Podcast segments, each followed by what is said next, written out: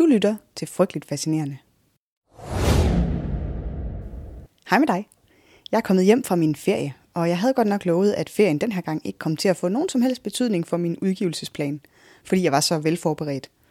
Og det kommer så ikke helt til at passe. Desværre. Jeg kom til at nyde livet lidt for meget, så her kommer endnu et kort fortalt.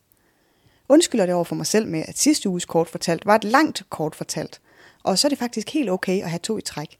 Jeg ved ikke helt, om det passer, men sådan bliver det nogle gange. Jeg har været i England, og det har været dejligt og kaotisk. Fy for pyffer var der gang i politikken derovre lige for tiden. Den ene premierminister efter den anden. Og derfor skal vi også til Storbritannien i dagens afsnit. Og lur mig, om ikke også dagens historie har en premierminister vinkel. Ingen skal komme her og sige, at podcasten ikke har et aktualitetsfokus. Ingen. I dag skal vi til Dunblane og høre historien om en massakre, der får enormt stor betydning for Englands våbenlovgivning.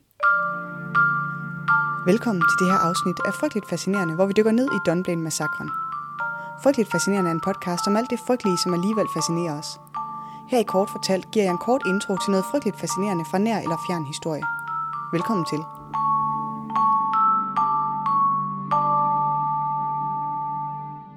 Den 13. marts 1996 er en dag, der for altid vil trække sorte skygger i den lille by Dunblane i Skotland. For den 13. marts 1996 gik en bevæbnet mand ind i en folkeskole i byen og skød og dræbte 16 børn. Omkring klokken halv 10 om formiddagen kører den 43-årige Thomas Hamilton ind på parkeringspladsen til folkeskolen i Dunblane. Han bor selv i byen og har tidligere forsøgt at blive frivillig på skolen. Men i dag går han ind af skolens døre med et helt andet formål. Med sig har han fire håndpistoler og 743 kugler. Over ørerne har han en lyddæmpende høreværn. Med det samme han går ind i døren, affyrer han flere skud på skolens gange, mens han sætter kursen mod skolens gymnastiksal. Inde i salen er Gwen Mayer. Hun er lærer på skolen, og hun har netop startet en gymnastiktime med sin 0. klasse. Da Hamilton kommer ind i gymnastiksalen, skyder han med det samme omkring sig. Han sårer to andre kvindelige lærere, dræber Gwen Mayer og dræber og sårer flere børn. De sårede lærere søger tilflugt i et redskabsrum med så mange børn som muligt, mens Hamilton fortsætter mod skolens bibliotek, hvor han skyder omkring sig. På vejen kommer han forbi et klasselokale. Han skyder ind i lokalet, men alle eleverne har lagt sig fladt ned på gulvet, efter deres lærer hører skuden og instruerer dem i at lægge sig ned. Hamilton når hurtigt frem til biblioteket, hvor han affyrer flere skud, før han vender om og går tilbage til gymnastiksalen. Her skifter han sin pistol ud med en af de andre, som han er med, før han slår sig selv ihjel med et skud gennem hovedet. Hele angrebet tager mindre end 5 minutter, men 15 børn og en lærer er dræbt på stedet, og på hospitalet dør yderligere et barn af sine skader. Den første ambulance ankommer til skolen kl. 9.57 efter et opkald til alarmcentralen kl. 9.43. Kort efter kl. 10.04 ankommer endnu et hold af sundhedspersonale. Både læger og sygeplejersker, der foretager den indledende hjælp til de sårede. Flere lokale hospitaler informerer, så de står klar til at modtage de ofre, der har brug for hjælp.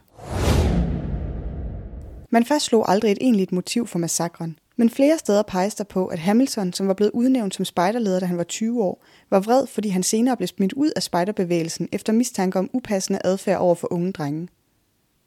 Han forsøgte efterfølgende flere gange at blive genoptaget i spejderbevægelsen, men det lykkedes altså ikke. Til gengæld oprettede han flere ungdomsklubber for drenge. Både klubber, hvor han underviste i gymnastik og andre sportsgrene, og en, hvor han underviste i skydning. Flere af klubberne var først populære og med mange deltagere, men efter flere historier om underlig adfærd og påstande om pædofili, blev alle klubberne lukket. Siden blev Hamilton afvist, da han meldte sig som frivillig på folkeskolen i Dunblane, hvor han udførte sin massakre. Dengang kom massakren til at betyde et oprør med Englands våbenlovgivning.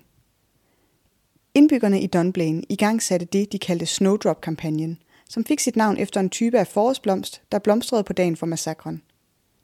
De indsamlede mere end 750.000 underskrifter og fik et brev fra en af offrenes mor i flere nationale aviser. I februar 1997, året efter massakren, vedtager det britiske parlament en lov, der forbyder privatpersoner at eje våben over 22 kaliber. I november samme år udvides loven til at gælde alle håndvåben. Efter loven blev vedtaget, oplevede de et betydeligt fald i våbendrab i Storbritannien. Om den nye våbenlov skrev en journalist, som var imod stramningerne, at den nye våbenlovgivning var som at se en barnepige konfiskere legetøj fra uskyldige børn. Journalisten sammenlignede stramningerne med tvangssterilisationer af USA's oprindelige befolkning. For hvad er egentlig værst? at få taget sin skyder eller at blive steriliseret mod sin vilje. Den journalist blev senere premierminister i Storbritannien. Sådan er der så meget.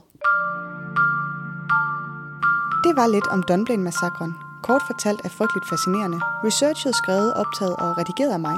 Jeg hedder Maria. Næste afsnit kommer allerede i næste uge, og du kan høre det i iTunes, Spotify eller der, hvor du normalt lytter til podcast. Der er tre ting, du kan gøre, hvis du gerne vil støtte min podcast. Du kan dele den på Insta eller Facebook. Du kan sende den til en ven, der trænger til at blive frygteligt fascineret. Eller du kan give den en anmeldelse i podcast-appen. Jeg sætter uhyggelig stor pris på alle tre. Tak for nu.